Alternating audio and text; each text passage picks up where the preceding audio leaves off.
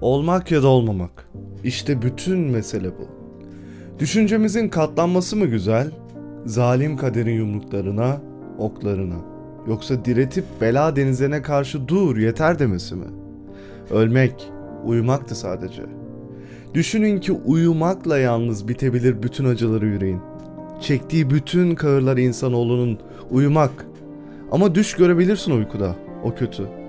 Çünkü o ölüm uykularında sıyrıldığımız zaman yaşamak kaygısından ne düşler görebilir insan. Düşünmeli bunu. Bu düşüncedir felaketleri yaşanır yapan. Yoksa kim dayanabilir zamanın kırbacına, zorbanın kahrına, gururunun çiğnenmesine, sevginin kepaze edilmesine, kanunların bu kadar yavaş, yüzsüzün bu kadar çabuk yürümesine? Kötülere kul olmasına iyi insanın, bir bıçak saplayıp göğsüne kurtulmak varken kim ister bütün bunlara katlanmak? Ağır bir hayatın altında inleyip terlemek, ölümden sonraki bir şeyden korkmasa, o kimsenin gidip de dönmediği bilinmez dünya ürkütmesi yüreğini. Bilmediğimiz belalar atılmaktansa, çektiklerine razı etmese insanları. Bilinç böyle korkak ediyor hepimizi. Düşüncenin soluk ışığı bulandırıyor yürekten gelenin doğal rengini. Ve nice büyük yiğitçe atılışlar yollarını değiştirip bu yüzden bir iş, bir eylem olma gücünü yitiriyorlar. William Shakespeare, Hamlet. Merhaba sevgili dinleyiciler. Size girişte bir Hamlet'ten tirat seslendirmeye çalıştım. Umarım beğenmişsinizdir. Bugün sizlerle birlikte İngilizce dilin en büyük yazarı ve dünyanın en iyi drama oyunu yazarı kabul edilen William Shakespeare'i konuşacağız. Shakespeare, İngiltere'nin ulusal şairi ve Avon'un ozanı olarak bilinir. Shakespeare'in hayatı ve eserler hakkında pek çok ilginç ve me- merak uyandırıcı şeyler var. Hazırsanız başlayalım. Shakespeare 1564 yılında Stanford upon Avon'da doğdu. Babası bir eldiven yapıcısı ve belediye başkanıydı. Annesi ise zengin bir çiftçinin kızıydı. Shakespeare 18 yaşında Annie Hathaway ile evlendi. Annie 18 yaş büyüktü ve evlendiklerinde hamileydi. 3 çocukları oldu.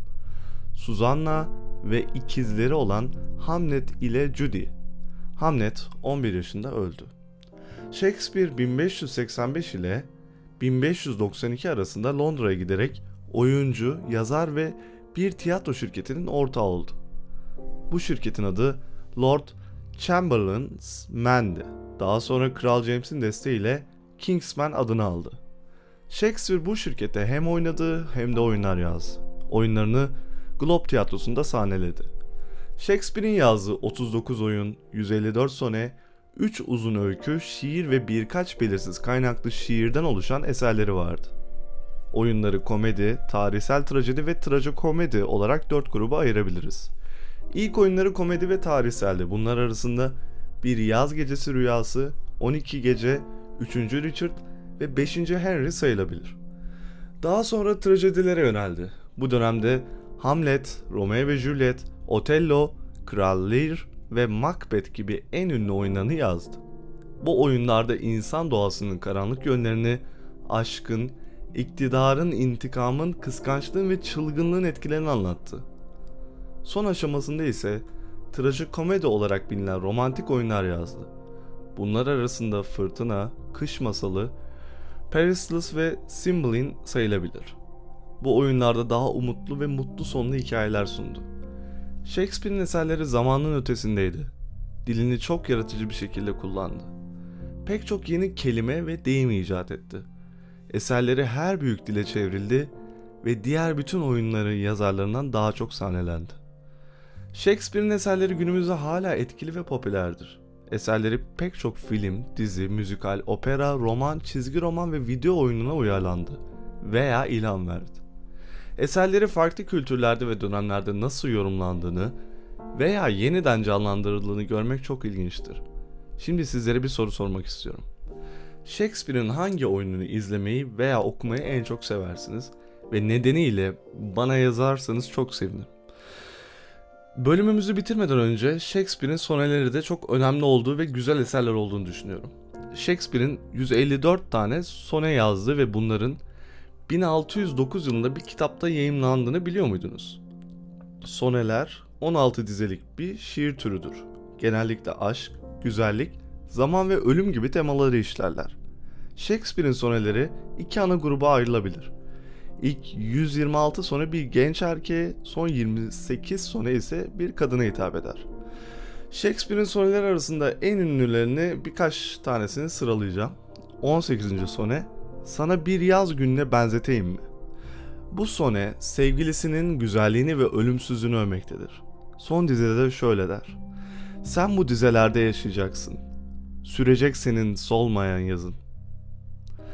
Sone 29. Ne zamanki kaderle göz göze gelirim. Bu sone sevgilisinin hatırına kendini mutlu hissettiğini anlatır. Son dizide de kral olsam da istemem tahtını. Senin sevgin bana yeter dünyada. Benim favorilerimden biri bu olabilir. Şimdi sona 116'ya bakacağız. Burada aşkın engel tanımadığını söyleyin. Bu sone aşkın değişmez ve sabit olduğunu savunur. Son dizede eğer yanılıyorsam bu sözlerimde hiç yazılmamıştır şiir. Hiç sevilmedi kimse diye çok çarpıcı bir bitiriş yapıyor. Son olarak 130. soneye bakarsak gözleri güneş kadar parlak değil sevgilimin. Bu sonede sevgilisinin kusurlarını sayar ama onu yine de sevdiğini söyler. Son dizede ise buna karşın benim sevgilimden daha güzel, yalanla şişirilmiş bir kadın tanımam.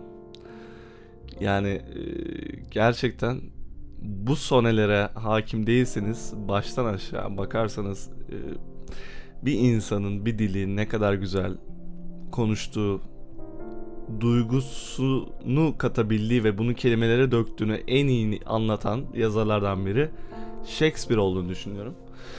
O yüzden böyle güzel bir bölüm yapmaya çalıştım. Dinlediğiniz için teşekkür ederim. Gelecek bölümlerde görüşmek üzere.